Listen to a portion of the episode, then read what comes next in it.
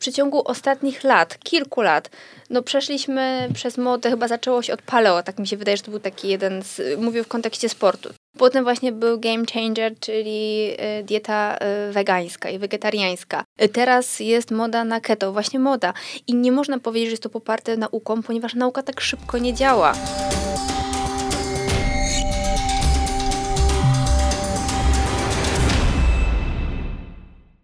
Nowoczesnysport.pl to sklep internetowy tworzony przez ludzi uprawiających sporty wytrzymałościowe. W ofercie znajdziecie tu produkty z dziedziny suplementacji i medycyny sportowej. Niezależnie od poziomu zaawansowania, sklep wyposaży Was w żele energetyczne, batony, napoje okołotreningowe, odzież kompresyjną oraz wiele artykułów wspomagających leczenie kontuzji czy regenerację od najlepszych światowych producentów. Nowoczesnysport.pl Ułatwiamy życie aktywnym. Cześć, tu Kuba Pawlak. Miło mi słyszeć się z Wami po raz kolejny w moim podcaście. To niezwykle miłe, motywujące, no i przyznam, że trochę też zaskakujące, że liczba słuchaczy podcastu o zdawałoby się tak niszowej tematyce, jaką jest bieganie, jest tak duża. To jest budujące, że macie ochotę w ogóle wspólnie ze mną stawać się coraz bardziej świadomymi biegaczami. No i mając to na uwadze, postanowiłem nagrać odcinek o zagadnieniach, wokół których narosła chyba największa liczba takich mitów, półprawd i miejskich legend. Często napotyka się tu też na pseudospecjalistyczne teorie, których wnioski bazują na pojedynczych badaniach. E, życie, nie tylko sportowe, zazwyczaj jednak e, tak proste nie jest i uwierzcie mi, że jeżeli nie bazujemy na metaanalizach i przekrojowych publikacjach, to jesteśmy w stanie znaleźć dowody niemal na każdą teorię. Tu chyba najlepszym przykładem są ukazujące się co jakiś czas badania, w których ktoś wyciąga na przykład wniosek o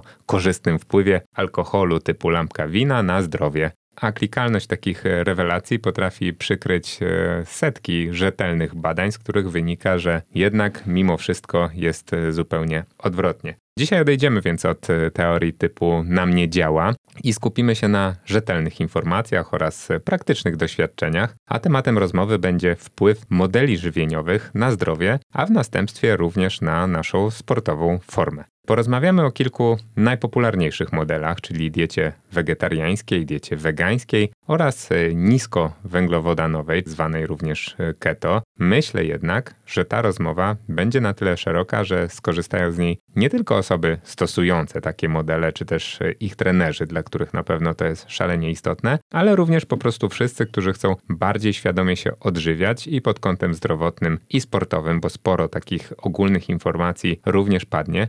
Jak zapewne domyślają się stali słuchacze, jeżeli taki jest temat, no to moim rozmówcą nie może być kto inny jak dietetyk sportowy Zofia Piotrowicz, która ze szwajcarską precyzją odwiedza nas w moim podcaście niemal co 10 odcinków. Cześć Zosia. Cześć Kuba. Na początek zadam takie pytanie szerokie. Słyszałem, że kiedyś nawet w jednym z największych klubów piłkarskich w Polsce, mówię nawet, bo wiadomo, że piłka nożna no to jest taki obszar, gdzie profesjonalizacja jest e, wysoka, mimo wszystko pieniądze, które za tym idą, wymuszają to, żeby nawiązać walkę w ogóle i rywalizację z drużynami, zwłaszcza drużynami spoza Polski, no to już e, trzeba wspiąć się na wyżyny. No ale wracając, bo już e, może za daleko pójdę z tą dygresją o tym, jak my sobie radzimy faktycznie, no ale powiedzmy, że w największym, jednym z największych polskich klubów piłkarskich był taki lekarz e, jakiś czas temu, czytałem o tym, który za, zalecał sportowcom, czyli tym piłkarzom, dietę skorelowaną e, z grupą krwi. Było to pokłosie takich teorii, że są osoby predestynowane genetycznie do różnego rodzaju modeli żywieniowych, że ktoś na przykład e, z grupą krwi X lepiej funkcjonuje na przykład na diecie wysokotłuszczowej, inny na węglowodanowej, a jeszcze inny musi na przykład spożywać więcej czerwonego mięsa. Jestem ciekawy, czy taka teoria może mieć jakieś uzasadnienie, bo tak e, trochę jestem sceptyczny, ale tylko na na nosa? Czy predyspozycje do modeli żywieniowych są takie mocno osobnicze? Odpowiadając prosto, jeśli chodzi o samą grupę krwi, to nie. Absolutnie nie ma takiej korelacji, aby bazować na tym, że dana grupa krwi predysponuje do jakiegoś konkretnego modelu żywieniowego. To była kiedyś moda, ale nie twierdzenie, nie wiedza naukowa, nie wiedza specjalistów, tylko moda na. Zresztą mody są ciągle na różne modele żywieniowe. Myślę, że o tym trochę dzisiaj porozmawiamy. Na co jest teraz e... aktualnie? Zależy, gdzie, gdzie zerkniemy, tak? Czy w świat sportu, czy w świat gdzieś tam, nie wiem, leczenia jakichś chorób metabolicznych. Tutaj najbardziej jest chyba groźne, jeśli chodzi o jakiekolwiek mody. No myślę, że teraz dosyć mocny boom jest na diety wysokotłuszczowe, aczkolwiek myślę, że zaraz pojawi się jeszcze coś, e, coś innego. Natomiast no, na moją wiedzę obecną to chyba teraz jednak diety wysokotłuszczowe wiodą prym, jeśli chodzi o taką dietetykę, pop-dietetykę. Natomiast jeśli chodzi o same grupy krwi, to tak jak mówię, nie. Natomiast jeśli chodzi o dobór indywidualny, jakieś tam predyspozycje, no to oczywiście, że tak. Każdy z nas ma jakieś upodobania, które wynikają z różnych przyczyn. Jedna osoba lubi mięso, druga go po prostu nie lubi, więc nie możemy na siłę komuś wciskać czegoś, co nie lubi, bo nawet jeżeli sobie rozpiszemy pięknie na kartce jakiś jadłospis, dietę, zalecenia, co z tego, że one będą książkowe, idealne, zgodne z najnowszą aktualną wiedzą. Jeśli dana osoba, dla której to jest, nie będzie z tego korzystała, bo jej po prostu nie będzie smakować, smakowało, nie będzie miała na to ochotę, czy będzie patrzyła z obrzydzeniem na swój talerz, tak? Bo na przykład, nie wiem, nie lubi mięsa, bądź strączków, bądź jeszcze czegoś innego, więc indywidualizm jak najbardziej tak. No ale I tu o... chodzi o preferencje, tak? Ty się skupiłaś w tym momencie na preferencjach, a mnie bardziej zastanawia też taka kwestia, wykluczamy tą krew, ok, ale być może są inne czynniki związane z e, naszą budową, z naszą genetyką, z czymkolwiek, e, które sprawiają, że osobniczo na przykład faktycznie są osoby, które lepiej, nie wiem, tolerują, tak jak powiedziałem, chociażby dietę wysokotłuszczową czy niskotłuszczową, już e, nieważne, ale kwestia jest taka, czy nasz organizm jest na tyle plastyczny, że jeżeli nauczymy go jakichś przemian, przyzwyczaimy go do czegoś, to każdy z grubsza będzie się zachowywał podobnie, czy jednak osobniczo są takie predyspozycje, które determinują to, że dana osoba, ile by nie ćwiczyła, w cudzysłowie ćwiczyła diety, to dana powiedzmy będzie jej odpowiadać, a innej nie wykluczając choroby genetyczne, które mogą jakby mm, wymuszać jakiś konkretny model żywieniowy bądź jakieś konkretne wykluczenia żywieniowe, to, to pominimy, tak, bo, bo myślę, że to jest inna, inna kwestia, to jest taka jedna z nowszych, można powiedzieć, dziedzin nauk, jeśli chodzi o żywienie, nutrigenetyka, y, która zajmuje się tym zagadnieniem właśnie wpływu naszego genomu, różnych y, polimorfizmów, y, mutacji na jakieś konkretne predyspozycje. Natomiast jest to nauka bardzo młoda i myślę, że jeszcze w tym momencie nie możemy wyciągnąć jakichś tutaj konkretnych zaleceń czy jakichś konkretnych uogólnień. Musimy też zwrócić uwagę, że świat nas zasypuje różnymi takimi pseudobadaniami, mam na myśli badania analityczne tutaj, które, nie wiem, są jakimiś testami genetycznymi na nietolerancje pokarmowe. Absolutnie w tym momencie nie jest to żadna metoda diagnostyczna, jeśli chodzi o na przykład nietolerancje e, pokarmowe. Tym zajmuje się alergolog, wykonując testy właśnie, w zależności oczywiście, jakie są podejrzenia, czy alergii prawda, pokarmowych, czy jakichś e, innych. Natomiast w tym momencie nie mamy żadnych absolutnie takich konkretnych zaleceń, czy jakichś, nie wiem, konkretnych modeli żywieniowych, które by odpowiadały naszym jakimś tam, nie wiem, e, kwestiom naszych, naszej genetyki. No dobra, ale przygotowując się do tego podcastu, słuchałem rozmowy z dietetyczką w amerykańskim, chyba to jest amerykański e, podcast Runner's World. Jakoś tak e, mocno nie polecam akurat tego odcinka, bo Przyznam, że było to takie bardziej trochę wyrecytowanie niektórych zaleceń czy, czy aktualnej wiedzy. Jakoś mnie niezbyt porwał, ale zaciekawiło mnie w tym to, że wykształcona dietetyczka opowiadała o swoich e, własnych doświadczeniach związanych e, z dietą wegetariańską. Mówiła ona, że po kilkunastu latach takiej diety, e, bycia bez jedzenia mięsa, którą traktowała również jakoś tam ideologicznie, bo chciała między innymi przysłużyć się do redukcji obciążającego środowisko przemysłu mięsnego, może tam mm, również ograniczyć cierpienie zwierząt, już nie wchodząc w szczegóły. W każdym razie powiedziała, że z bólem serca, ale musiała się przemóc i wrócić jednak do spożywania mięsa. Mówiła, że mimo zbilansowania kalorii, tych mikro, makro składników, co potrafiła zrobić z uwagi na swoje doświadczenie i studia, zwyczajnie w takiej diecie bezmięsnej czuła się głodna. Opowiadała, że kawałek mięsa jakby był w stanie ją nasycić na dużo dłużej niż wszystkie zamienniki. Czuła się zmęczona, czuła się apatyczna i powrót do mięsa jakby spowodował, że ta energia życiowa powiedzmy jej wróciła. Czy z twojego doświadczenia tak może być e, w rzeczywistości? Czy to jest jakiś taki e, większy trend? Jasne, no to są właśnie te kwestie tych upodobań, bym powiedziała, tak? Że po prostu są osoby, które nie wyobrażają sobie życia bez mięsa, są osoby, które sobie nie wyobrażają życia bez węglowodanów i ulubione śniadania to są y, owsianki, tosty, y, pieczywo. Są osoby, które preferują z kolei jajka na śniadanie y, i czują się po tym lepiej. Są osoby, które, nie wiem, mm, źle jak już jesteśmy, o, może jak już jesteśmy tutaj przy takich zwierzeniach dietetyków, to ja też zwierzę się z czegoś, ja miałam zupełnie odwrotnie, tak? od dziecka jadłam mięso, aczkolwiek byłam w stanie zaakceptować smakowo i w ogóle, no po prostu byłam w stanie zaakceptować jedynie mięso drobiowe. I jadłam tego kurczaka indyka, nie to, że byłam do tego zmuszana, jakoś tak po prostu przywykło, że go jadłam, ale z biegiem czasu dochodziłam do tego, że ja go po prostu nie lubię i nie jem z jakąś większą, e, z większą mm, chęcią. I z tego zrezygnowałam, tak? I tutaj też uważam, że jest to po prostu kwestia jakichś tam naszych wewnętrznych upodobań, preferencji. I owszem, jeśli ktoś nie lubi jeść mięsa, bądź jeśli lubi jeść to mięso, to powinien robić tak,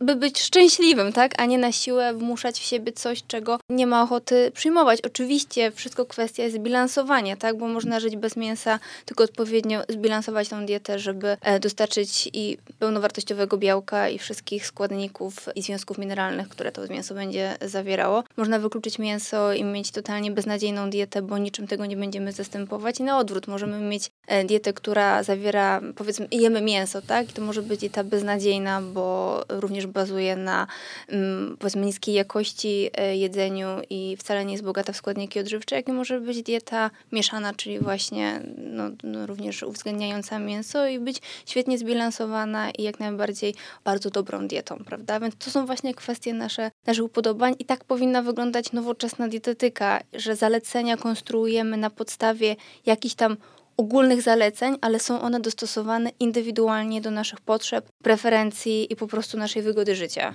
No jasne. O preferencjach, tak jak o gustach, e, nie dyskutujemy. My tutaj nie nagrywamy w ogóle tego odcinka po to, żeby kogokolwiek namawiać na, na jakąkolwiek e, dietę. Nie takie jest e, zadanie, ale chcieliśmy po prostu rzetelnie parę tematów przedstawić, bo słuchacie nas wy, czyli sportowcy, głównie osoby ukierunkowane na sporty wytrzymałościowe i ja wspólnie z wami chciałem się dowiedzieć, Zosiu, jak wygląda w ogóle korelacja tych zagadnień e, z możliwościami wysiłkowymi naszego organizmu. Czy ty, jeśli zgłasza się do ciebie, nie wiem, nowy maratończyk lub nowy e, triatlonista podopieczny i na wstępie zapowiada, nie wiem, wykluczenie mięsa lub w ogóle wykluczenie produktów odzwierzęcych, to pierwsza myśl, która pojawia ci się w głowie, to że no czekacie w cudzysłowie więcej roboty i większe po prostu zawodowe wyzwanie, czy łatwo jest stosunkowo sobie z tym poradzić? To prawda, wymaga to większej pracy od dietetyka, żeby zbilansować dobrze taką dietę. Może w kwestii diety wegetariańskiej ten problem jest zdecydowanie mniejszy, bo osoba będąca na diecie wegetariańskiej wyklucza tylko mięso, w tym ryby i owoce morza, natomiast je jajka, je nabiał. W związku z tym tutaj nie będziemy mieć raczej, jeżeli będziemy uwzględniać te produkty, to nie będziemy mieć żadnych niedoborów e, żywieniowych, więc tutaj tylko kwestia umiejętności doboru odpowiednich, dobrych źródeł białka, e, właśnie takiego niemięsnego. I tutaj często intuicyjnie na przykład wybieramy nabiał, ale na przykład wybieramy żółty ser, który owszem ma białko pełnowartościowe, ale w stosunku na przykład do tłuszczu wcale go nie ma tak dużo. Tutaj, żebyśmy się nauczyli tego, że takim dobrym źródłem takiego białka wegetariańskiego będzie na przykład właśnie biały ser, twaróg, Oczywiście strączki, jajka, czy na przykład bardzo dobrym źródłem będzie mozzarella, nawet ta mozzarella odtłuszczona, która po prostu jest bardzo dobrej jakości produktem, tylko ma mniej tłuszczu. Czy no teraz mamy też bardzo duży do, duży wybór tych produktów wysokobiałkowych, jak na przykład skyr, tak, czyli jogurt, który ma w porcji zdecydowanie większą ilość e, białka niż taki zwykły, tradycyjny jogurt przy bardzo niskiej ilości tłuszczu czy w ogóle różne produkty nabiałowe, które są wysokobiałkowe. Więc na przykład jeśli chodzi o samo białko czy wapń, nie mam żadnego takiego problemu i tą dietę bilansuje się równie szybko jak taką, no powiedzmy, dietę tradycyjną. Natomiast jeśli chodzi o dietę wegańską, ona jest zdecydowanie trudniejsza do zbilansowania, szczególnie jeśli mówimy o osobie aktywnej fizycznie. Natomiast nie jest to nie do zrobienia, tylko po prostu wymaga umiejętnego doboru produktów tak, aby nie doprowadzić do żadnych e, niedoborów. Myślisz, że to jest w ogóle łatwe do zrobienia samodzielnie? Czy ktoś, kto jest na diecie wegańskiej i na przykład y, marzy mu się, żeby y, zacząć bawić się w sport, ale tak trochę bardziej na poważnie, to powinien z automatu zapukać do kogoś takiego jak ty, do kogoś swoich kolegów y, dietetyków, żeby chociaż na początku mu pomógł, czy nie jest to aż taki rocket science? Powinien skorzystać moim zdaniem z wiedzy dietetyka. Niekoniecznie musi korzystać od razu z jadłospisu, który mu dietetyk e, stworzy, ale musi być taka osoba bardzo dobrze wyedukowana, żeby wiedzieć, gdzie szukać tych zamienników, no i jak powinna no, bilansować tą dietę, bo tutaj nie tylko będzie kwestia ilości, ale też łączenia poszczególnych produktów ze sobą, tak by wspomóc na przykład wchłanianie. Tak, tak jest z żelazem. W produktach roślinnych mamy sporo żelaza, ale jest to żelazo niechemowe, w związku z tym trudniej trudniej się wchłania i musimy to na przykład uwzględnić w takich produktach bogatych w żelazo, to niechemowe, o dodatek na przykład witaminy C. Oczywiście w produktach innych, y, spożywczych produktach witaminy C, nie chodzi o wsypywanie sobie tabletki. Jasne. Więc tutaj myślę, że tak, jeśli ktoś chciałby mieć dobrze zbilansowaną dietę wegańską, powinien zasięgnąć rady, czy skorzystać z dobrych źródeł, niekoniecznie to musi być wizyta u dietetyka, ale skorzystać z dobrych źródeł, które po prostu pozwolą mu się wyedukować w tym temacie, bo błędem bardzo często jest tylko wyeliminowanie produktów odzwierzęcych, a nie zastąpienie tych produktów innymi, albo na przykład zastąpienie tylko z nazwy odpowiednikami, czyli na przykład, nie wiem, zamiast żółtego sera, tak zwany żółty ser wegański, który nie ma nic wspólnego ze zwykłym żółtym serem, oprócz tego, że ma dużo tłuszczu, ale to dużo tłuszczu, który zawiera nasycone kwasy tłuszczowe, bo jest to głównie produkt wyprodukowany z oleju kokosowego. Więc tutaj jeszcze ważne jest to, żeby wiedzieć, że napój roślinny, czy tam teraz nie można powiedzieć mleko sojowe, tylko mówimy napój sojowy, czy tam napój migdałowy, to nie jest odżywczo zamiennik mleka krowiego czy jakiegokolwiek innego ssaka, tylko jest to jakby substytut, w którym, na którym, nie wiem, możemy sobie zrobić owsiankę, prawda, czy dodać sobie do koktajlu, ale też musimy wiedzieć, jak wybrać ten produkt i co jeszcze musimy zjeść, żeby mieć pełnowartościowy, zbilansowany posiłek. Jednym słowem trzeba uważać na zamienniki, bo one bardziej odnoszą się do funkcji czy smaku, a mniej do e, tych składników odżywczych, które tamte pierwotne dania czy składniki nam po prostu e, zapewniają. To tak, myślę, zazwyczaj. Że, mhm. Tak, myślę, że to ważna rzecz e, do zapamiętania. Jeszcze od siebie, ze swojej praktyki, bo tak się składa, że no nie po to nagrywam ten odcinek, ale faktycznie ja też e, od kilkunastu lat w zasadzie jestem na diecie bezmięsnej. To też ważne to, co powiedziałeś. Ja bym tak z takiego praktycznego wtrętu e, dorzucił odnośnie tego zamiany na przykład na żółty ser, że jeszcze faktycznie ważne jest to, że tam znajduje się na przykład sporo białka, tak, ale musimy też mieć na uwadze to, e, ile przy okazji kalorii pochłaniamy jak jest e, przełożenie jakby indeksu kalorycznego danego jedzenia, tak, e, na na to, ile tych substancji tam jest. No bo mówi się, nie wiem, chociażby, że też orzechy są świetnym paliwem dla mózgu, bo tam mają jakieś tam różne e, fajne rzeczy. Okej, okay, ale jak zjadamy garść czy dwie garście orzechów, to zjedlibyśmy tam pół tony sałaty chyba, tak, żeby, e, żeby tutaj mm, kalorycznie jakby bilans był podobny, a jednak w tej sałacie wtedy byśmy przyjęli e, dużo więcej fajnych rzeczy. Oczywiście nie mówię, żebyśmy tutaj teraz kupili sobie wiaderko sałaty i, i zjedli, no bo też te kwestie smakowe są ważne, ale dobra, ja już się... Zgadza się. A jeszcze tutaj no. jedną no. rzecz powiem, bo to jest ważne, że często nam się wydaje, że zamiennik roślinny równa się zamiennik zdrowszy. Nie zawsze tak jest. Pamiętajmy, że wszystkie, czy wszystkie, może nie wszystkie, ale wiele z tych zamienników typu mięso roślinne, e, właśnie ser roślinny, tak, śmietana e, roślinna i tak dalej, to są produkty wysoko przetworzone, więc niekoniecznie zdrowe. No. Nie wszystkie, ale duża większość. No właśnie, zaraz w szczegółach porozmawiamy w ogóle o tych wskazaniach w uzupełnianiu składników, bo wyskoczyło nam już tutaj przed szereg żelazo i omówimy w szczegółach, na co jeszcze oprócz żelaza zwracać uwagę, wykluczając produkty lub ich grupy z diety, ale najpierw nasuwa mi się jeszcze jeden taki stereotyp, do którego chciałbym, żebyś się odniosła, bo wiele osób właśnie uważa, że ogólnie też dieta wegetariańska lub wegańska, właśnie tak jak powiedziałaś, jest zdrowa. Po raz pierwszy i ostatni przywołam dzisiaj klasyczny przykład Netflixowskiego takiego, nazwijmy to paradokumentu Game Changers, który e, udowadniał rzekome lepsze wyniki sportowe, jakie zawodnicy zawdzięczali wykluczeniu produktów odzwierzęcych.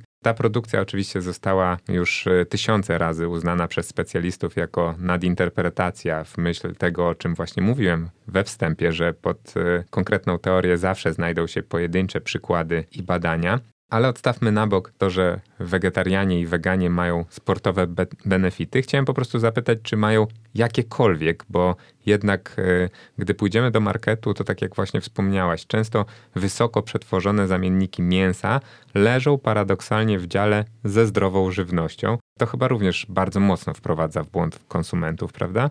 Jasne, że tak. A tutaj jeszcze wiem, że to miał być tylko pojedynczy trend, jeśli chodzi o ten film Netflixowski Game Changers, ale myślę, że tutaj warto powiedzieć, że to nawet nie jest nadinterpretacja badań. To, co tam jest przedstawione, to jest po prostu pseudonauka. I to jest pseudonauka polegająca też na tym, na czym polega teraz wiele mód mm, takich e, żywieniowych, czyli wpadłem na jakąś teorię albo mam jakąś taką, nie wiem, swoją własną preferencję żywieniową, szukam na to dowodów, czyli szukam po co oczywiście teraz już każdy jest wyedukowany i wie, że musi mieć podkładkę w postaci badań naukowych. W związku z tym, nie wiem, wymyśla sobie jakiś model żywieniowy, szuka w związku z tym jakichś konkretnych badań, które będą potwierdzać mu tą e, teorię, natomiast wyklucza wszystkie inne, które będą tej teorii zaprzeczać lub, lub będą pokazywać inny punkt widzenia, tak? To no i ten pojedynczy właśnie tam taki przypadek na zasadzie nam nie działa, tak? Co, co jest najgorsze, co może być. Oczywiście. E, tam w ogóle jeszcze, no już nie chcąc się pastwić, ale też e, pokazywani są jacyś sportowcy typu e, kulturyści czy strongmeni, z całym szacunkiem, ale jakby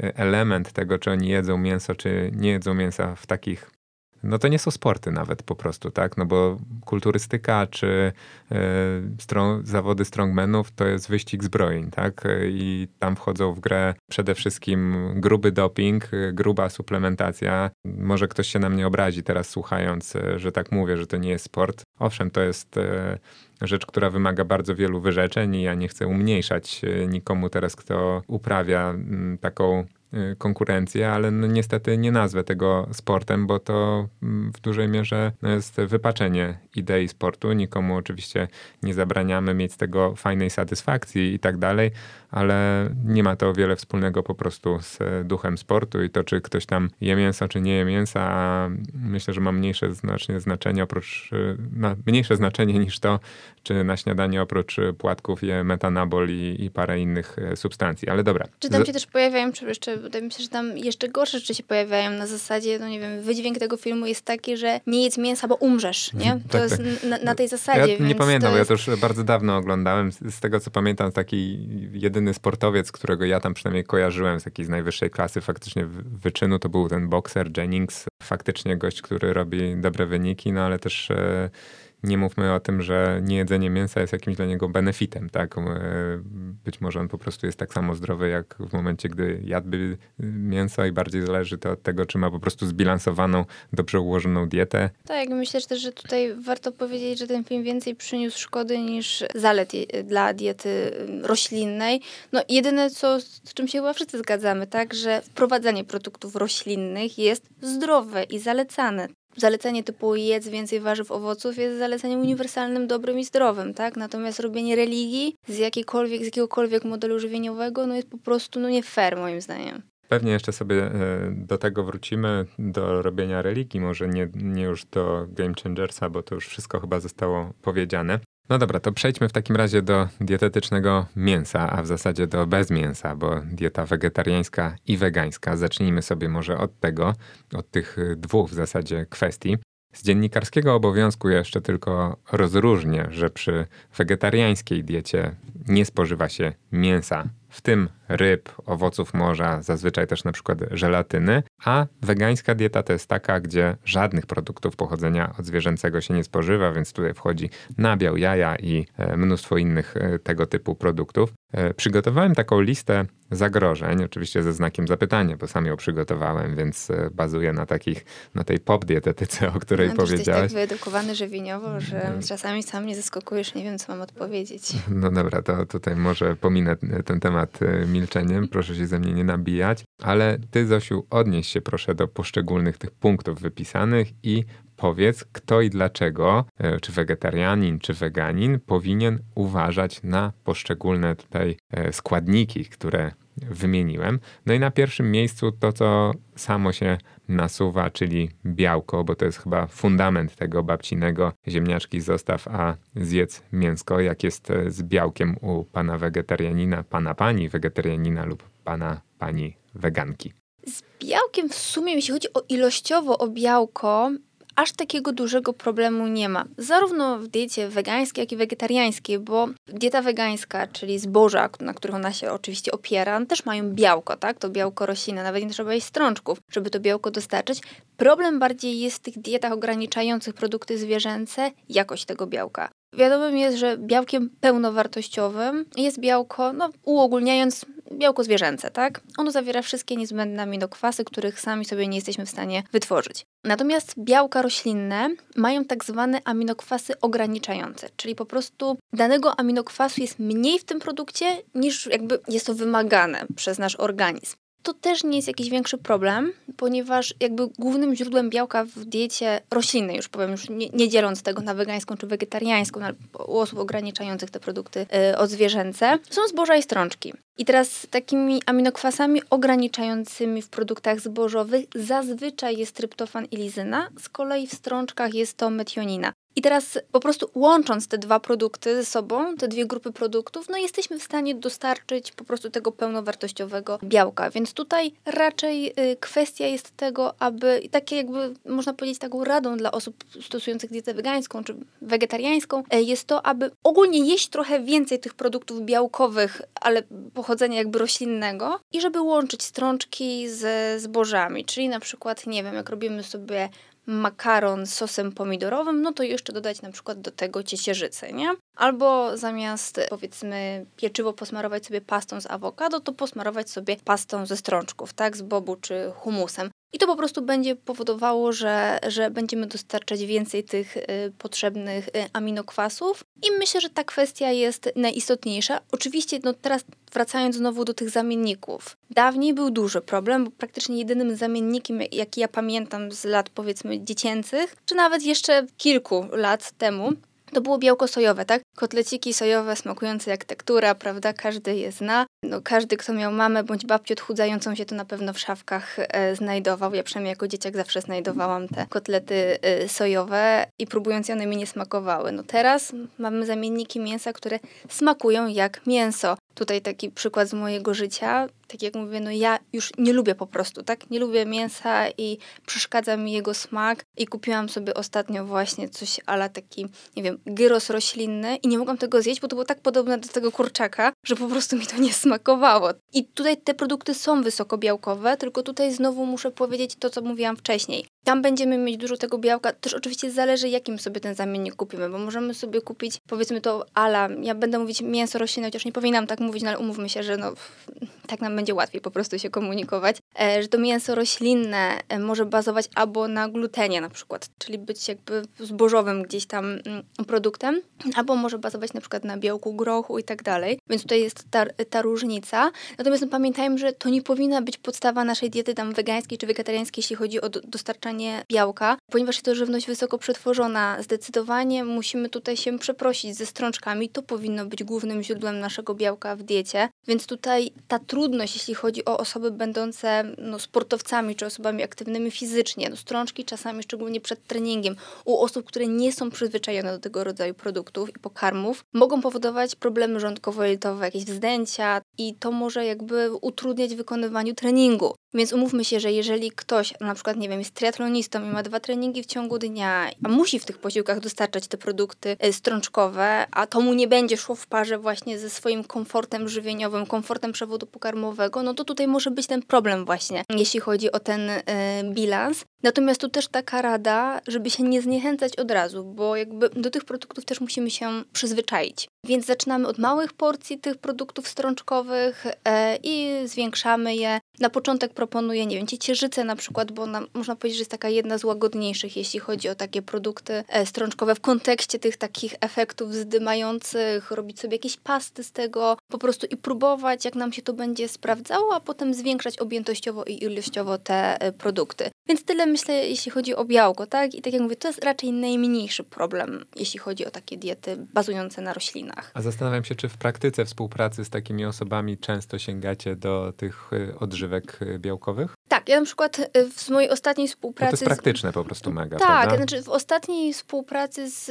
biegaczem właśnie, maratończykiem, który był na diecie wegańskiej, bo tutaj też mm, no nie chcę już takie tajniki zanudzać bilansowaniem diet przeze mnie, natomiast no ja staram się, żeby w każdym posiłku, przynajmniej w głównych posiłkach czterech, było od 20 do 40 gramów białka na posiłek, ponieważ to nam pomaga, jeśli chodzi na przykład na, przy diecie redukcyjnej, to bardzo dobrze działa, jeśli chodzi o utrzymywanie masy mięśniowej, to super w kontekście regeneracji, no i czasami po prostu tylko y, łatwiej było na przykład, nie wiem, do owsianki dorzucić sobie pół miarki na przykład białka sojowego i wzbogacić to śniadanie o tą porcję białka. I jest to oczywiście praktyczne i z tego korzystamy, ale to nie jest tak, że musimy z tego korzystać. Jeżeli ktoś nie chce wprowadzać odżywek, to absolutnie damy sobie radę y, bez tego, nie? Tylko, no tak jak mówię, musimy się liczyć z tym, że te strączki w tej diecie będą po prostu. Zastanawia mnie tak, już abstrahując od diety wegańskiej i wegetariańskiej, czy w ogóle osoby, biegacze, sportowcy wytrzymałościowi czy triatloniści mają wyjściowo większe zapotrzebowanie na białko niż osoby, które y, intensywnie sportu nie uprawiają. I pytanie takie drugie od razu, czy jeżeli trafia do ciebie taka, taki nie będący na żadnej z tych diet, o których rozmawiamy, sportowiec, y, amator, trenujący powiedzmy dosyć y, ambitnie i najpierw pokazuje ci, co je, to w praktyce zdarza się tak, że zauważasz, że często tego białka w diecie u takich przeciętnych osób jest trochę za mało? Odpowiadając na pytanie, czy potrzebuje więcej, tak, osoba trenująca wytrzymałościowo potrzebuje nieco więcej białka niż osoba nietrenująca, ale nie są to jakieś wielkie ilości, powiedzmy 1,4, 1,6 gramów na kilogram masy ciała, chyba, że jest na diecie redukcyjnej, to może troszeczkę większe może być to, to ta podaż białka do powiedzmy do okolicach 2 gramów na kilogram masy ciała, e, więc tak. Natomiast jeśli chodzi, czy ja widzę niedobiory białka w diecie sportowców, raczej nie. Bardziej widzę nieprawidłową dystrybucję tego białka w ciągu dnia dnia. Co to znaczy? Mamy taką tendencję, że najwięcej białka jemy na obiad. I to już nieważne, czy to jest dieta wegańska, wegetariańska, czy normalna, no to, to mięcho, tak, głównie na obiad, duża porcja, a reszta posiłków uboga. A tak jak mówiłam wcześniej, w kontekście naszych mięśni zdecydowanie lepsze jest, jeżeli te porcje są niewielkie, ale w miarę regularnych odstępach czasu. No, najłatwiej trzy, cztery główne posiłki, czyli powiedzmy tam, nie wiem, śniadanie, drugie śniadanie, obiad i kolacja, żeby to było białko w okolicach 20-40 gramów na porcję, tak? To jest jakby idealne i to bardziej szwankuje niż to, że ogólnie rzecz biorąc mamy niską podaż tego białka. No jeżeli popatrzymy sobie na dietę kolarzy, czy właśnie triatlonistów, którzy po prostu jedzą dużo jedzenia, bo muszą jeść, żeby y, no, dostarczyć, sprostać swoim wymaganiom energetycznym, to nawet jeżeli intuicyjnie gdzieś tam nie przyjmują jakichś takich większych ilości produktów białkowych, to i tak z tego makaronu, kaszy, ryżu i tak dalej im po prostu ilość tego białka się zrobi prawidłowa. Bardziej kwestia gdzieś tam jakości tego białka i właśnie tej dystrybucji w ciągu dnia. Jakby nie chciało wam się liczyć na piechotkę, to jest e, też, ja tylko powiem z praktyki, sporo aplikacji, które zrobią to za was. Ja z ciekawości korzystałem sobie na przykład przez chwilę z takiej, ona się chyba Fitatu nazywa, mhm. pewnie jest dużo też innych równie dobrych i tam można faktycznie sobie całkiem nieźle to zobaczyć, jak to w trakcie dnia waszego wygląda i jak e, w ogóle te najważniejsze normy, jeżeli chodzi o składniki, wypełniacie. Kolejna, która mi przychodzi do głowy, o, o czym słyszałem gdzieś tam, to jest witamina B12. Jak wygląda ta sytuacja u wegetarian i wegan? Tu sprawa jest banalnie prosta. Witamina B12 znajduje się tylko w pastylkach. W też, tak. I dla wegan to będzie jedyny rodzaj e, tak, bo B12 właśnie znajduje się tylko i wyłącznie w produktach odzwierzęcych. Więc o ile na diecie wegetariańskiej nie musi dochodzić do niedoboru witaminy B12, tak każda osoba będąca na diecie wegańskiej musi przyjmować suplementację witaminą B12. Po prostu. A dlaczego ona jest dla nas taka ważna? Witamina B12 jest ważna z wielu powodów, natomiast tak czysto sportowo, wytrzymałościowo, witamina B12, tak jak żelazo i kwas foliowy, jest konieczna do prawidłowej produkcji czerwonych krwinek i możemy mieć anemię z dwóch powodów. Jednym powodem to jest niedobór żelaza, a drugim powodem jest niedobór witaminy B12 i kwasu foliowego. W związku z tym, szczególnie osób trenujących wytrzymałościowo, prawidłowo poziom witaminy B12 jest ważny. W związku z tym powinniśmy monitorować jej poziom i suplementować. Tutaj już najlepiej zgłosić się do lekarza, by dobrał odpowiednią dawkę i preparat. W kilku odcinkach to już się powtórzyło, ale powtórzę jeszcze raz, że zachęcamy do e, regularnych e, badań krwi. Jeżeli będziecie w najbliższym czasie robić sobie takie badania, to pamiętajcie o tym, żeby również tą witaminę B12 oznaczyć, szczególnie jeżeli jesteście e, właśnie na diecie na przykład roślinnej. Wspomniałaś o drugim przyczynie anemii, o tym żelazie. Wcześniej nam się to też przewinęło, że są dwie formy żelaza, zupełnie inne w cudzysłowie żelazo e, znajdziemy w produktach roślinnych, inne w produktach e, zwierzęcych. Domyślam się, że to roślinne będzie trochę słabsze, jak to zazwyczaj bywa, no bo tu zawsze e, biedni wegetarianie pokrzywdzeni czy weganie. Więc co, wystarczy, że zjedzą go więcej, czy jeszcze coś trzeba pokombinować? No tutaj trochę trzeba się nakombinować. Pierwsza rzecz w ogóle, no mówiąc w kontekście żelaza i osób trenujących wytrzymałościowo, czyli biegaczy. Żelazo jest Wam bardzo potrzebne z tego względu, że no jest odpowiedzialne między innymi za transport tlenu, tak? Jest wiązany w hemoglobinie to żelazo i one są konieczne. A niestety nieważne na jakiej diecie jesteśmy, osoby trenujące wytrzymałościowo mają tendencję do niskich poziomów e, zasobów żelaza w organizmie, ponieważ macie utrudnione jakby wchłanianie tego żelaza ze względu na specyfikę Waszego treningu. No nie chcę tutaj robić wykładu wykładu o, o żelazie. Trzeba mnie w tych kwestiach hamować, bo bardzo lubię ten temat. Więc tutaj tylko mówiąc w skrócie, powinniście to mocno monitorować, mm, przynajmniej no, najlepiej raz na pół roku. Szczególnie właśnie jeśli jesteście na diecie wegetariańskiej i wegańskiej, ponieważ tak jak wspomniałam, mamy w źródłach pokarmowych mamy dwa rodzaje żelaza. Żelazo chemowe i niechemowe. Chemowe, jak sama nazwa mówi, od hemoglobiny. Hemoglobina jest we krwi, w związku z tym jej główne źródła to będą czerwone mięso.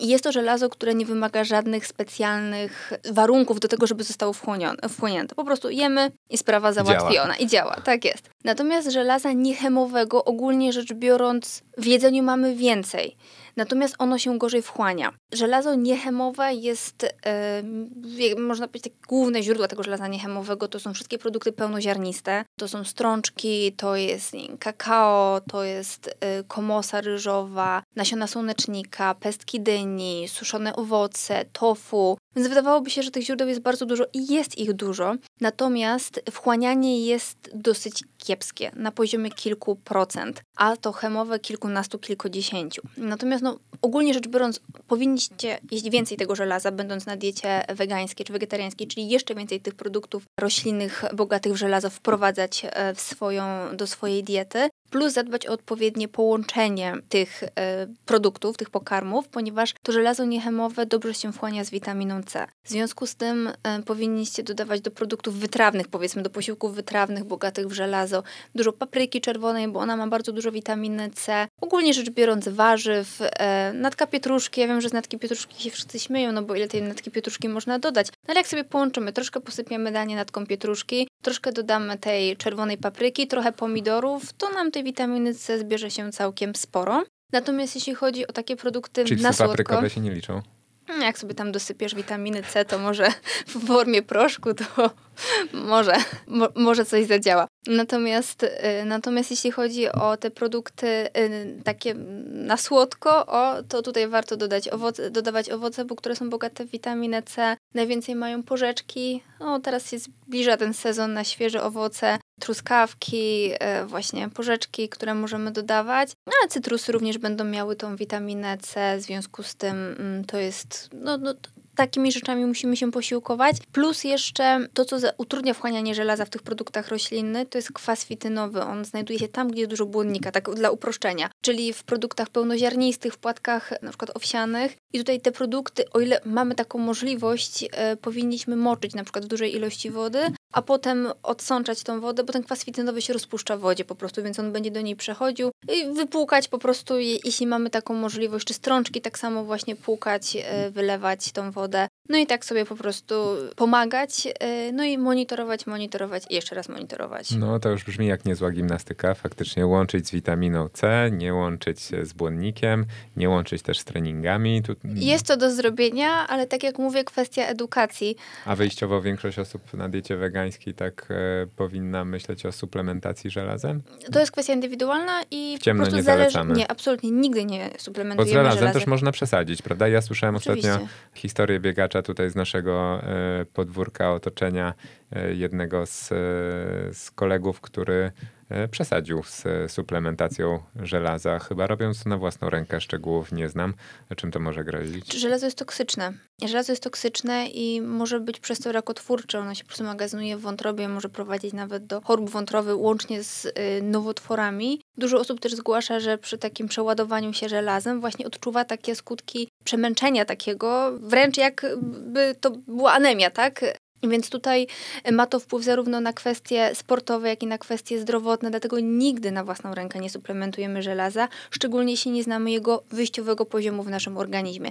Dlatego pamiętajcie, żeby oznaczać ferytynę, to jest takie białko, które nam mówi o tym, ile tego żelaza mamy zmagazynowanego w naszym organizmie i u osób trenujących jakby dążymy do tego, żeby ta ferytyna była powyżej 35 nanogramów na mililitr czyli nieco więcej niż dla osób nietrenujących, tak jak nam pokazują te widełki gdzieś tam w badaniach, e, robimy sobie badania krwi i mamy tą ferytynę, mamy tam widełki i zazwyczaj ten poziom jest, jakby prawidłowy poziom według tych widełek jest niższy niż to 35, ale to jest dla osób, które prowadzą siedzący tryb życia, natomiast dla osób trenujących wytrzymałościowo to 35 e, to powinna być taka minimalna granica. Okay. Dolna. Dobra, e, jedziemy dalej, żeby tutaj e, zachować tą, ten klasyk już e, cytowany, że podcast nie jest z gumy, przyspieszamy dalej wapń. Jak to jest z wapniem na wielu produktach właśnie dla osób niejedzących mięsa czy produktów odzwierzęcych, szczególnie na tych napojach. Często są właśnie takie napisy, że dodatkowo jest tam więcej wapnia. Czy to jest problem dla sportowców? Najlepszym źródłem wapnia, mm, najlepiej przyswajalnego wapnia są produkty mleczne. E, w związku z tym osoby będące na diecie wegetariańskiej, no jeżeli jedzą produkty mleczne, raczej nie będą miały problemu. Natomiast faktycznie osoby na diecie wegańskiej muszą szukać innych alternatywnych źródeł. E, I tak naprawdę najlepszym źródłem dla osób e, będących na diecie wegańskiej jest woda mineralna, która zawiera ten wapń. Warto, żeby to była właśnie taka wysokowapniowa, znaczy no może tak, żeby sprawdzać, żeby przynajmniej było 150 mg na litr w takiej wodzie i żeby też, jeśli mamy możliwość, to żeby wapń stosunku do magnesu był 2 do 1. Wtedy mamy po prostu najlepsze wchłanianie. I tutaj różne dostępne szerokowody mają jakby, spełniają te kryteria, na przykład piwniczanka, muszynianka, kryniczanka. W związku z tym powinniśmy wprowadzać te rodzaje konkretnie wód y, do naszej diety. Oczywiście e, mamy też produkty roślinne, bogate w wapń, takie jak, nie wiem, warzywa, takie ciemnozielone, o, tak bym je nazywała, suszone owoce, strączki, no ale umówmy się, wchłanianie e, i biodostępność po prostu tego wapnia z tych produktów jest niska. Mm, więc one raczej bym traktowała jako dodatek niż jako główne źródło. No i oczywiście mamy szereg też produktów tak zwanych fortyfikowanych wapń, czyli właśnie wzbogacanych wapń. Tylko tutaj też musimy czytać etykiety, bo teoretycznie producent na przykład nie ma obowiązku wzbogacania napojów roślinnych wapń. Natomiast wielu, wielu producentów tak robi, w związku z tym po prostu należy y, poczytać etykietki. Dobrze, żeby to było około 120 mg na 100 ml napoju mm, tego wapnia, żeby było w, w takim produkcie i również po prostu możemy z tego korzystać.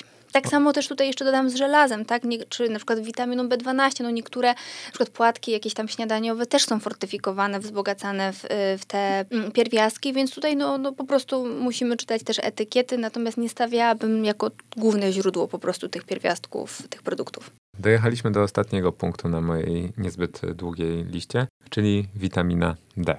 Tu tak naprawdę nie ma znaczenia, na jakiej jesteśmy diecie, czy wegańskiej, czy wegetariańskiej, czy mieszanej. E, z pokarmów nie jesteśmy w stanie dostarczyć odpowiednich poziomów witaminy D3. Jesteśmy w stanie naturalnie, jesteśmy w stanie tylko e, jakby dostarczyć go ze słońca. E, natomiast raczej zaleca się tą suplementację po prostu witaminą D3 od 800 do 2000 jednostek na dzień. Jako tak, jeśli nie znamy naszego poziomu wyjściowego, szczególnie w takich miesiącach jesienno-zimowych, no chyba, że po prostu mm, jest ten sezon powiedzmy na słońce, słońce, tak? Czyli teraz no, wakacje, lato e, się zbliża. Natomiast no, jeżeli się smarujemy filtrami, filtry z kolei są zalecane przez dermatologów, prawda? No bo tutaj chodzi o ochronę naszej skóry przed nowotworami skóry. Natomiast e, w kontekście, jeżeli stosujemy te filtry, no to powinniśmy mimo wszystko suplementować w postaci tabletek po prostu witaminę D3, czy tam kropli, czy, no po prostu suplementu bądź lekarstwa. Okej. Okay. E, czy ja o czymś zapomniałem może, Zosiu? Może warto jeszcze o czymś wspomnieć w kontekście tych dwóch diet, czy w ogóle, bo to już nam gdzieś chyba wybrzmiało, ale jeszcze raz to podkreślę, czy wegetarianie lub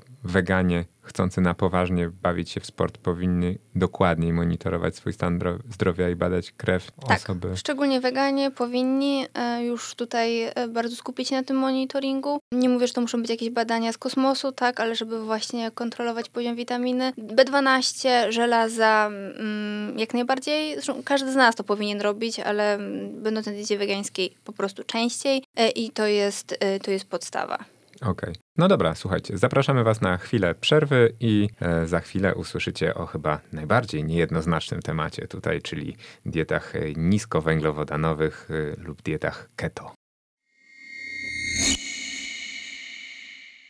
Nowoczesnysport.pl to sklep internetowy tworzony przez ludzi uprawiających sporty wytrzymałościowe. W ofercie znajdziecie tu produkty z dziedziny suplementacji i medycyny sportowej. Niezależnie od poziomu zaawansowania, sklep wyposaży Was w żele energetyczne, batony, napoje okołotreningowe, odzież kompresyjną oraz wiele artykułów wspomagających leczenie kontuzji czy regenerację od najlepszych światowych producentów. Nowoczesny sport.pl Ułatwiamy życie aktywnym. Jesteśmy z powrotem. Najbardziej niejednoznaczny temat, niejednoznaczny mówię dlatego, że ta dieta lub diety e, wypluwają w Google'ach najwięcej wyników e, i budzą największe zainteresowanie. I specjalnie powiedziałem dieta lub diety, bo chciałbym, żebyśmy na początku to usystematyzowali. Ja prawdę mówiąc, sam nie mam do końca pewności, czy dieta keto, czyli dieta ketogeniczna, to jest to samo co dieta niskowęglowodanowa? No właśnie to nie jest to samo problem w ogóle jest bardzo duży, jeśli chodzi o tą nomenklaturę i też mm, powiedzenie, w którym momencie dieta jest ketogeniczna, kiedy jest niskotłuszczowa. I to jest problem nie tylko takiej, powiedzmy, komunikacji mm, gdzieś tam dietetycznej, żywieniowej, ale też bardzo duży jest problem, jeśli chodzi o publikacje naukowe. Często się określa, że ktoś był na diecie właśnie niskowęglowodanowej, wysokotłuszczowej, ketogenicznej, natomiast nie do końca wiemy, na czym ta dieta polegała, ponieważ nie ma takich odgórnych wytycznych, kiedy zaczyna się dieta niskowęglowodanowa, a kiedy ketogeniczna. Znaczy, oczywiście jest bardzo dobry sposób na sprawdzenie, czy jesteśmy tej diecie ketogenicznej, to jest po prostu pomiar beta-hydroksymaślanu w naszym moczu, no ale umówmy się, no nikt tego na co dzień nie robi. Nikt tej nazwy nawet nie zapamięta.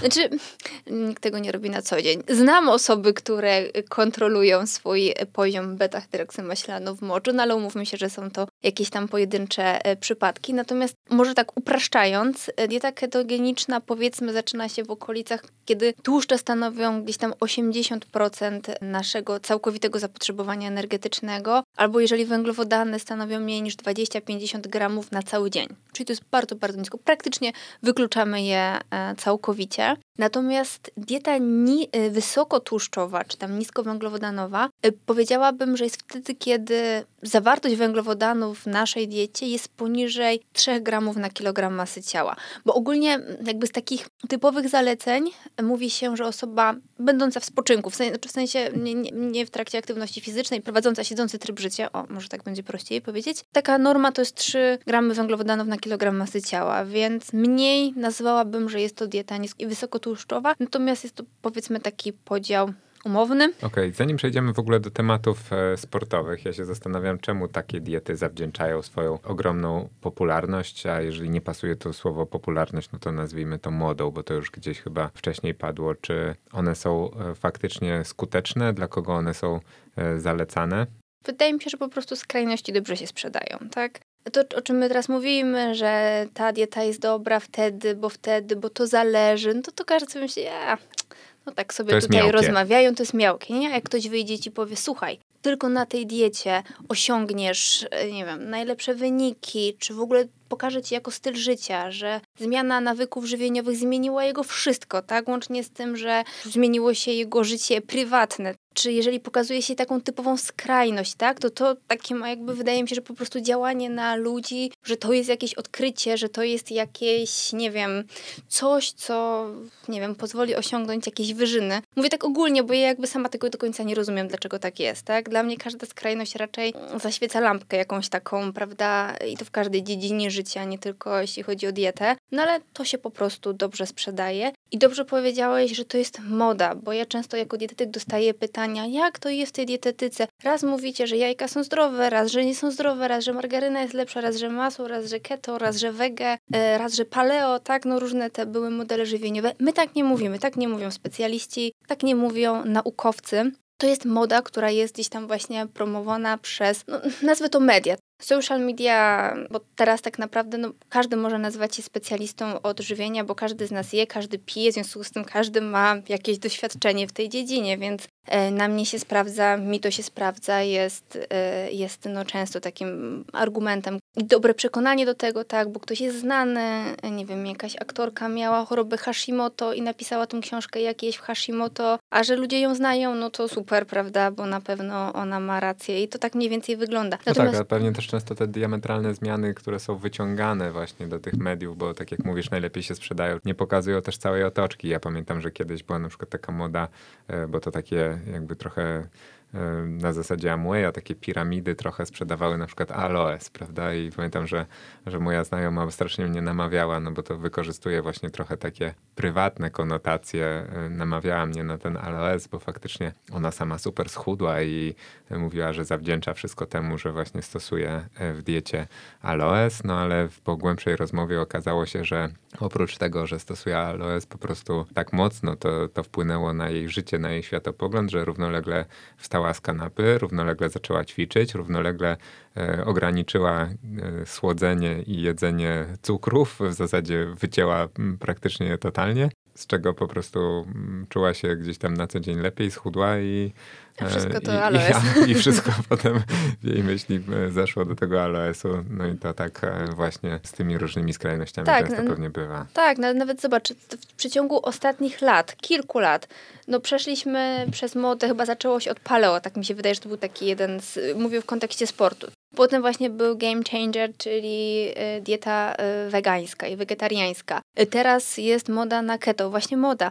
I nie można powiedzieć, że jest to poparte nauką, ponieważ nauka tak szybko nie działa. Żeby wyciągnąć jakieś wnioski, dowody naukowe, to potrzeba dywagacji, porównania wielu badań, długoletnich badań i to tak szybko się nie zmienia, więc to jest tylko i wyłącznie moda. A tak jak mówię, no skrajności się po prostu dobrze sprzedają, szczególnie jeżeli są obrane w jakąś ładną otoczkę. Doda się do tego jakieś właśnie mm, historie życia, tak? Czasami mam wrażenie, że właśnie po prostu też te wszystkie modne diety na tym też polegają, nie? Że kupujemy otoczkę, a nie, nie, nie konfrontujemy się z faktami. No dobra, to skonfrontujmy się z faktami w takim razie, skoro tak mówisz. Jak te diety niskowęglowodanowe w tym te bardziej skrajne, czyli keto, tak, bo rozumiem, że na tym polega to rozróżnienie, pasują do sportów wytrzymałościowych, bo mi tak na chłopski rozum e, zdaje się, że nie do końca, bo w sportach wytrzymałościowych no raczej tylko część energii pobieramy e, z tłuszczu.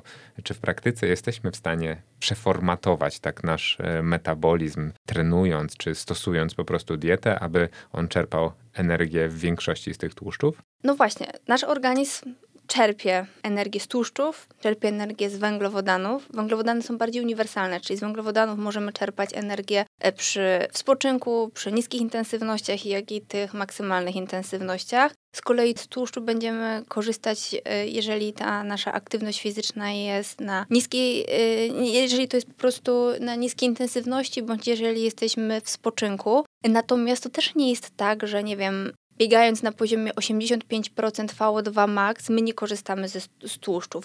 Również organizm czerpie wtedy z tłuszczów, ale w niewielkim stopniu. Głównym graczem wtedy są po prostu węglowodany.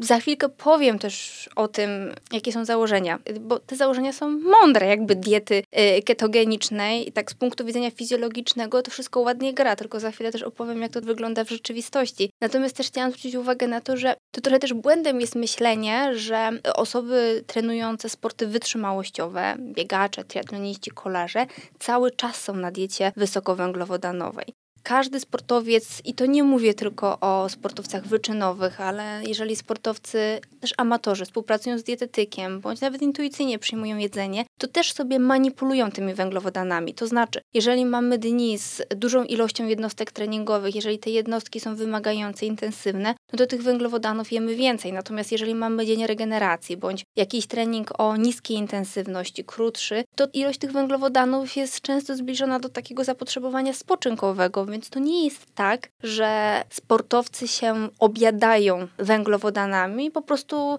zmieniają ich ilość w zależności od wymagań treningowych. Natomiast jeśli chodzi o to, jakie jest założenie właśnie tych diet niskowęglowodanowych czy diety ketogenicznej, o co chodzi? Jeżeli mamy niedostateczną ilość glukozy czy glikogenu, czy tych źródeł węglowodanowych w naszym organizmie, to właśnie nasz organizm zaczyna czerpać energię z przemian tłuszczowych. Przy braku właśnie e, węglowodanów, produktem tych przemian są ciała ketonowe, które są bardzo dobrym paliwem, takim alternatywnym zamiast glukozy dla naszego mózgu i dla naszych mięśni.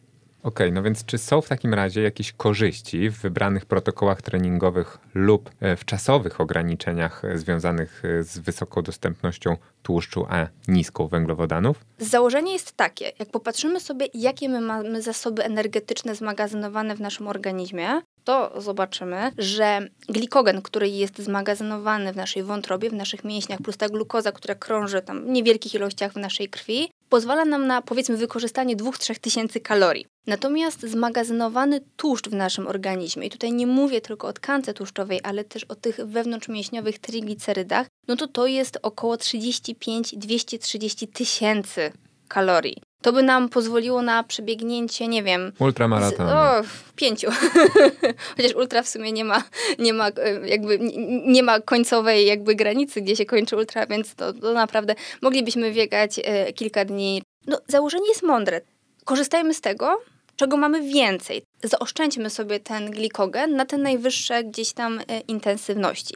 W teorii to wygląda wszystko jakby fajnie, natomiast analizując już badania, które czysto sprawdzały, czy właśnie ten model niskowęglowodanowy będzie korzystniejszy i czy poprawia zdolności wysiłkowe, czy poprawia wyniki na naszej mecie, one pokazują, że tych korzyści tej diety ketogenicznej nad wysokowęglowodanową po prostu nie ma, bądź wręcz dieta wysokowęglowodanowa jest lepsza, po prostu. I tutaj mm, chciałabym się też zmierzyć z tym kontrargumentem, jaki dają osoby, które są zwolennikami diety wysokotłuszczowej w sportach.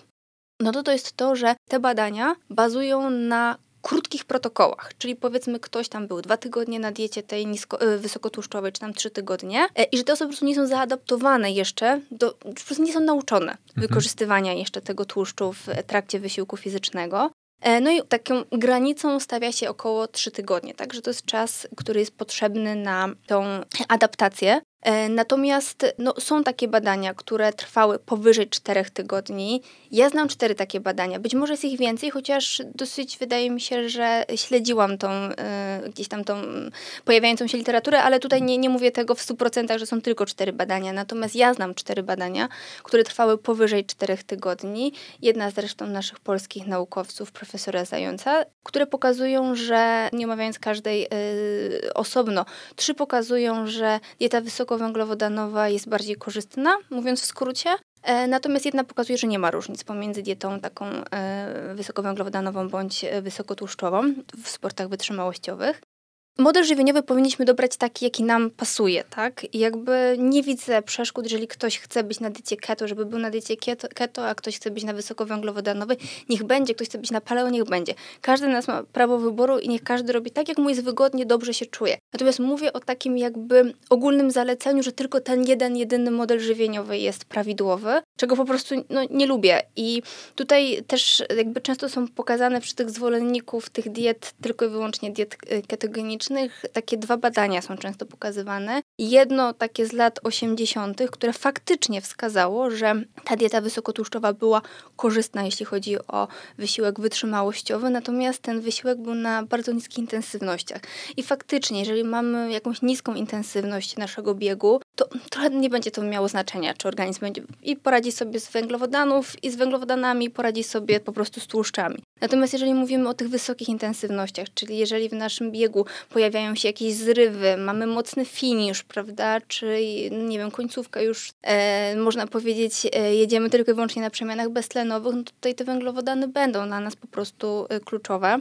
Często też jakby z takiego jakby prekur... nie wiem czy prekursora, ale słyszałam, jak e, wspominano o profesorze teamie Team Noakes, który właśnie razem z innymi współautorami napisali pracę, która jakby właśnie oni podawali to, że ta adaptacja jest kluczowa do tej diety ketogenicznej i porównali dwa już powstałe wcześniej badania. I pokazywali, jak wygląda wykorzystanie tłuszczu w trakcie wysiłku i pokazali, że te osoby niezaadaptowane do tej diety po prostu są w stanie wykorzystać mniej tych tłuszczów, a osoby zaadaptowane potrafią wykorzystać dużą ilość tłuszczu w trakcie wysiłku fizycznego. Tylko, że i wszystko wydaje się pięknie. Tytuł y, artykułu jest, czasami trudno coś na polski przetłumaczyć tak, żeby to ładnie brzmiało, natomiast chodziło o to, żeby tak zmienić, zmienić właśnie postawę, jeśli chodzi o podejście do diety wysokotłuszczowej. I właśnie podawane są te dwa badania, tylko że jeżeli byśmy sobie przeczytali faktycznie te dwa badania, to, pokaz- to są zupełnie dwa różne badania. Jedno obejmuje 300 uczestników, drugie 5. Wśród tych 300 uczestników mamy 150 e, kobiet, 150 mężczyzn. Są to osoby wytrenowane, niewytrenowane. Ten test wysiłkowy, który był wykorzystany do oceny, był na bieżni. E, był to test, który polegał, że się zwiększało intensywność aż do wyczerpania, czyli odmowy przez uczestnika. A z kolei to, do którego porównywano, to było pięciu kolarzy, którzy jechali na rowerze, którzy mieli jakby stałe obciążenie, e, jeśli chodzi o e, obciążenie pracą, tak? Mieli tam jechać chyba z 65% VO2 max, więc to jakby są zupełnie dwie inne grupy badawcze, dwa inne badania i jakby wyciąganie wniosku na podstawie tego nie jest jakby dobre, tak? I nie jest słuszne. W związku z tym tutaj właśnie to też pokazuje, na czym polega nauka i umiejętność jakby wyciągania wniosków po prostu, jeśli chodzi o te diety wysokotłuszczowe. To nie znaczy, że dieta wysokotłuszczowa nigdy się nie sprawdzi. Jeżeli jesteśmy osobą prowadzącą siedzący tryb życia albo biegającą sobie totalnie rekreacyjnie, na jakichś niskich intensywnościach i jeśli nam z tym jest dobrze, wybieramy dobre źródła tych, tych tłuszczów, czyli to nie jest golonka i smalec, tylko są to też te jednonienasycone kwasy tłuszczowe, tak, to jakby okej. Okay. Tylko no jednak w tym momencie, na dzień dzisiejszy, nie mamy żadnych e, dowodów potwierdzających, że dieta wysokotłuszczowa jest lepsza od diety e, wysokowęglowodanowej, wręcz przeciwnie, odwrotnie. Okej, okay, to co ta rzetelna nauka w takim razie mówi na temat e, takich protokołów, bo słyszałem na przykład kiedyś chyba u Bartka Olszewskiego, który opisywał jakiś swój trening robiony przy niskiej podaży węglowodanów, jakiś długi bieg, nie pamiętam, czy z narastającą prędkością, chyba tak, który właśnie miał na celu nauczenie w cudzysłowie organizmu E, korzystania w większej proporcji z tych e, przemian tłuszczowych pod kątem maratonu. Również mój niedawny gość e, Marcin Nagórek mówił o wykonywaniu długich jednostek na czczo lub bez jedzenia w trakcie właśnie mających na celu stymulację wykorzystania tłuszczów jako substratu do pozyskania energii. Czy to jest zasadne, jeżeli to w jakim protokole i czy po prostu dla każdego, bo może w takie rzeczy nie wszyscy powinniśmy się bawić. No właśnie, to jest jakby trochę część y, może powiązana z tą dietą e, niskowęglowodanową, natomiast to jest troszeczkę coś innego, bo to, o czym mówił Bartek czy Marcin, to jest tak zwany trening z niską dostępnością węglowodanów. I jakby to nie definiuje, jaką mamy dietę na co dzień, tylko bardziej mówi nam o tym, co my robimy bezpośrednio przed treningiem, albo tam w krótkim okresie dnia przed treningiem. I teraz na czym to polega? To się nawet nazywa jak tak zwany train high i train low, czyli trenuj wysoko, trenuj nisko. Może głupio to brzmi po polsku, natomiast chodzi o to, że trenuj wysoko, czyli trenuj z wysoką dostępnością węglowodanów, trenuj nisko, trenuj z niską dostępnością węglowodanów. Jest to protokół, który może być wykorzystywany w procesie treningowym, ale nie zawsze się sprawdzi. Na czym on polega? Polega on na tym, że właśnie chcemy nauczyć organizm wyższego wykorzystywania tłuszczów w trakcie wysiłku fizycznego, a oszczędzenie glikogenu mięśniowego, znaczy w ogóle glikogenu. I teraz jakby głównym celem obydwu treningów jest poprawa wydolności. I jakby tą klasycznym podejściem jest to, że my zwiększamy ilość spożywanych węglowodanów, przez co trenujemy nasze jelita do przyjmowania większych ilości węglowodanów w trakcie wysiłku fizycznego i potem sobie to wykorzystujemy. Natomiast właśnie tą koncepcją odwrotną jest to, że ograniczamy te węglowodany, przez co zwiększamy utlenianie tłuszczów mm, i wykorzystywanie z tego energii, i jakby to może być na przykład ok, jeśli chodzi o, jeżeli ktoś się przygotowywuje na przykład do zawodów jakichś na długich dystansach, jakichś ultramaratonów, biegów górskich powiedzmy, na początku sezonu przygotowawczego, A kiedy robimy... Do maratonów nie, no bo tak Zależy- potocznie mówi się, że tego glikogenu gdzieś tam zgromadzonego w mięśniach, w wątrobie starcza nam gdzieś tam na około godzinę wysiłku. To czy, Więcej nawet czy- czy troszeczkę. nawet Myślę, że jak więcej? sobie dobrze załadujemy, to i gdzieś tam ci najlepiej wytrenowani będą w stanie sobie go tyle załadować, że nawet przy niewielkiej tam ilości spożywania węglowodanów w trakcie gdzieś tam na tym pojadą, tylko kwestia jaki to będzie wynik końcowy. Czyli to by Natomiast świadczyło, im- że taki protokół może być zasadny już nawet dla maratończyka. Tak? Który no biega bo- długo. w sensie, y, tak, raczej No na wiesz, niskich a intensywnościach. Mhm. Średni, średni amator przeciętny w Polsce, nie pamiętam, ale widziałem takie jakieś zestawienia, to w maratonie to jest chyba 4 czy 4, między 4 a 4,5 godziny, tak? No więc to, to już domyślam się, że Tak, chociaż ja szczerze mówiąc bym to bardziej, bardziej bym to wykorzystała jako kolejny powiedzmy gdzieś tam taki bodziec treningowy. Wykorzystywałabym to raczej właśnie u osób wytrenowanych, nigdy samemu, tylko raczej ze współpracy, czy to z trenerem, czy najlepiej z trenerem i z osobą zajmującą się żywieniem tej osoby, dietetykiem po prostu. Bardziej bym jakby ukierunkowała to na właśnie początek przygotow- takiego okresu przygotowawczego, kiedy właśnie robimy więcej tej objętości, a mniej, e, mniej gdzieś tam interwałów, mniej takich tych już intensywnych, e, intensywnych treningów. I to wtedy okej. Tylko musimy też plusy i minusy, bo na pewno plusem jest to, że faktycznie jesteśmy w stanie zwiększyć to utlenianie tych e, tłuszczów. Więc to jest jak najbardziej na plus. Natomiast musimy wziąć pod uwagę, że po takim treningu właśnie z niską dostępnością węglowodanów mamy dłuższy okres regeneracji, więc musimy wziąć to pod uwagę.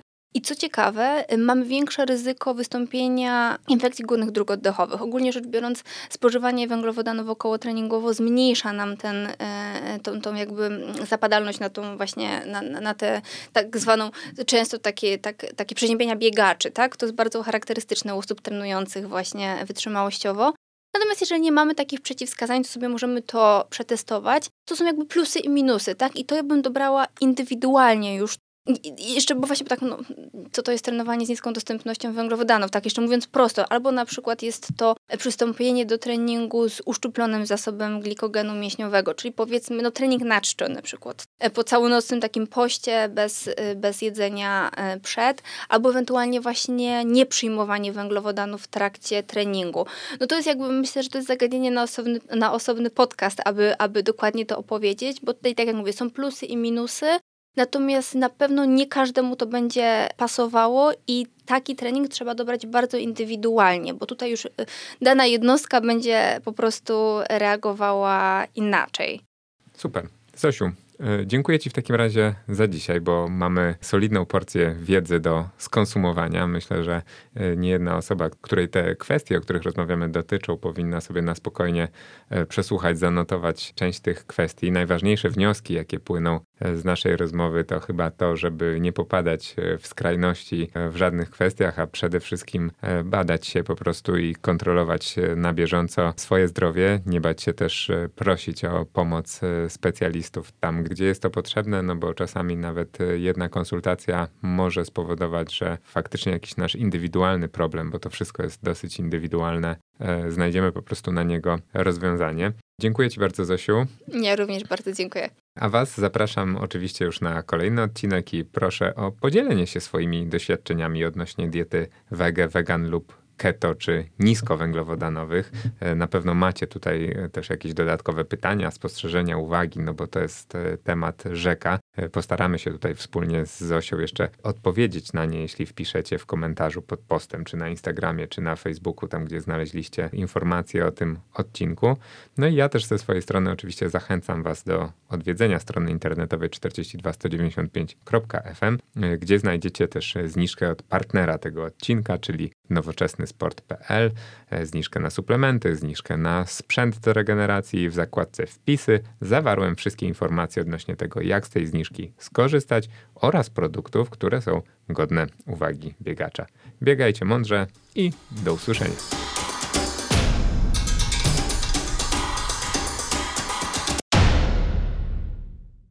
Związku z tym, że nasz podcast wspiera program Aktywny Dzisiaj dla Zdrowia w przyszłości WF z AWF, który ma na celu e, aktywizację dzieci i powrót e, do aktywności po pandemii, chciałem Cię, Zosiu, jeszcze zapytać e, z Twojej praktyki dietetycznej, jak wygląda w ogóle skala problemu otyłości dzieci w Polsce, bo wydaje mi się, że pandemia i czas zasiedzenia w domu, no i generalnie współczesne czasy, które jednak promują w dużej mierze e, taki statyczny tryb życia, granie na komputerze. Porównuję to oczywiście do, do swoich czasów, gdzie ta rzeczywistość dziecięca była zupełnie inna. E, jak to wpływa na właśnie problem otyłości wśród dzieci? Bo wydaje mi się intuicyjnie, że wpływa, ale być może tutaj też trochę media oszukują rzeczywistość i może wcale nie jest aż tak źle, jak się powszechnie mówi. Według raportu Światowej Organizacji Zdrowia jesteśmy na ósmym miejscu, jeśli chodzi o państwa w Europie, jeśli chodzi o skalę nadwagi i otyłości. Wykazali oni, że u dzieci w wieku 7 do 9 lat problem nadwagi i bądź y, otyłości to 32%. To jest ogromna y, skala. I jest to też taki problem, którego nie wolno bagatelizować, bo często wychodzimy z założenia, że dziecko z tego wyrośnie. No nie, bo musimy przyjrzeć się przyczynie tej nadwagi czy otyłości. E, jeżeli jest ona wynikiem nieprawidłowych wzorców żywieniowych czy nieprawidłowych nawyków, które czerpiemy, takie dzieci czerpią to po prostu z obserwacji, tak, najczęściej swoich najbliskich czy rodziny, to jeżeli te nawyki będą utrwalane, to dziecko z tego nie wyrośnie, a wręcz przeciwnie, ten problem będzie się po prostu pogłębiał. I tutaj warto też zwrócić uwagę i nie zrzucać odpowiedzialności na dzieci, tylko bardziej to rodzice powinni nauczyć się, w jaki sposób ten dobry przykład dzieciom dawać. Powiem z własnej takiej, z własnego doświadczenia, kiedy zaczynałam pracę jako dietetyk, pracowałam w przychodni, e, gdzie bardzo często przychodziły do mnie właśnie e, mamy, czy w ogóle rodzice, tak, ze swoimi dziećmi na zasadzie niech jej pani powie, żeby mnie jadła, tak? Mm, no ja pytam, no dobrze, a jak państwo jecie, tak? No dobrze, to my jej będziemy, czy jemu osobno gotować, tak? No nie, no to, to jest najgorszy pomysł, jaki możemy e, dać, e, aby wykluczać w ten sposób jeszcze bardziej takie dziecko, gotując mu osobne posiłki. Pamiętajmy, że jeżeli chcemy wesprzeć nasze dzieci w odchudzaniu, czy w poprawie nawyków żywieniowych, to musimy zacząć od siebie i to jedzenie musi być takie samo dla całej naszej rodziny Musimy dawać dobry przykład, uczyć dzieci i edukować, nie zaczynać od razu od jakichś rygorystycznych jadłospisów. Nie powinno to polegać na tym, że jeżeli dziecko, nie wiem, je pięć razy w ciągu dnia coś słodkiego, to nie pozwolimy mu już przez miesiąc dotknąć ani popatrzeć na batona. Nie, zmniejszmy to do na przykład jeden raz w ciągu dnia, już będzie lepiej. Małymi krokami, bardziej na zasadzie przykładu niż zakazów, i przede wszystkim kształtowania po prostu tych dobrych nawyków y, żywieniowych, tak żeby to mogło zostać na przyszłość. Trudno się po tym nie podpisać, bo to myślę, że rada nie tylko dietetyczna, ale również uniwersalna. Jeżeli chcemy ukierunkować y, nasze dzieci w jakąś stronę, no to musimy sami być przykładem, no bo na wszystkich polach chyba tak y, rodzic palący papierosy, który mówi, że nie wolno palić, nie jest wiarygodny. Tego się trzymajmy i tą zasadą się kierujmy.